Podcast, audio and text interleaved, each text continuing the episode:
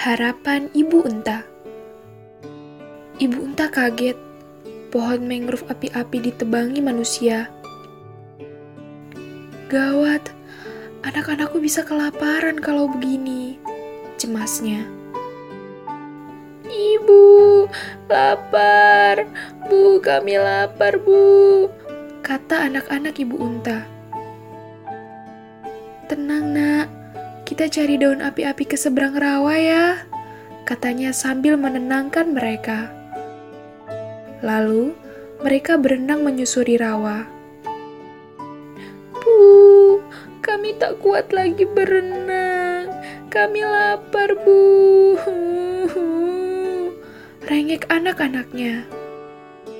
Akhirnya, mereka sampai di rawa yang banyak mangrove-nya. Untung masih ada hutan mangrove tersisa. Semoga manusia tak lagi menebangnya harapannya. Buat teman-teman mangcil semua, kasih sayang seorang ibu tak akan pernah pudar.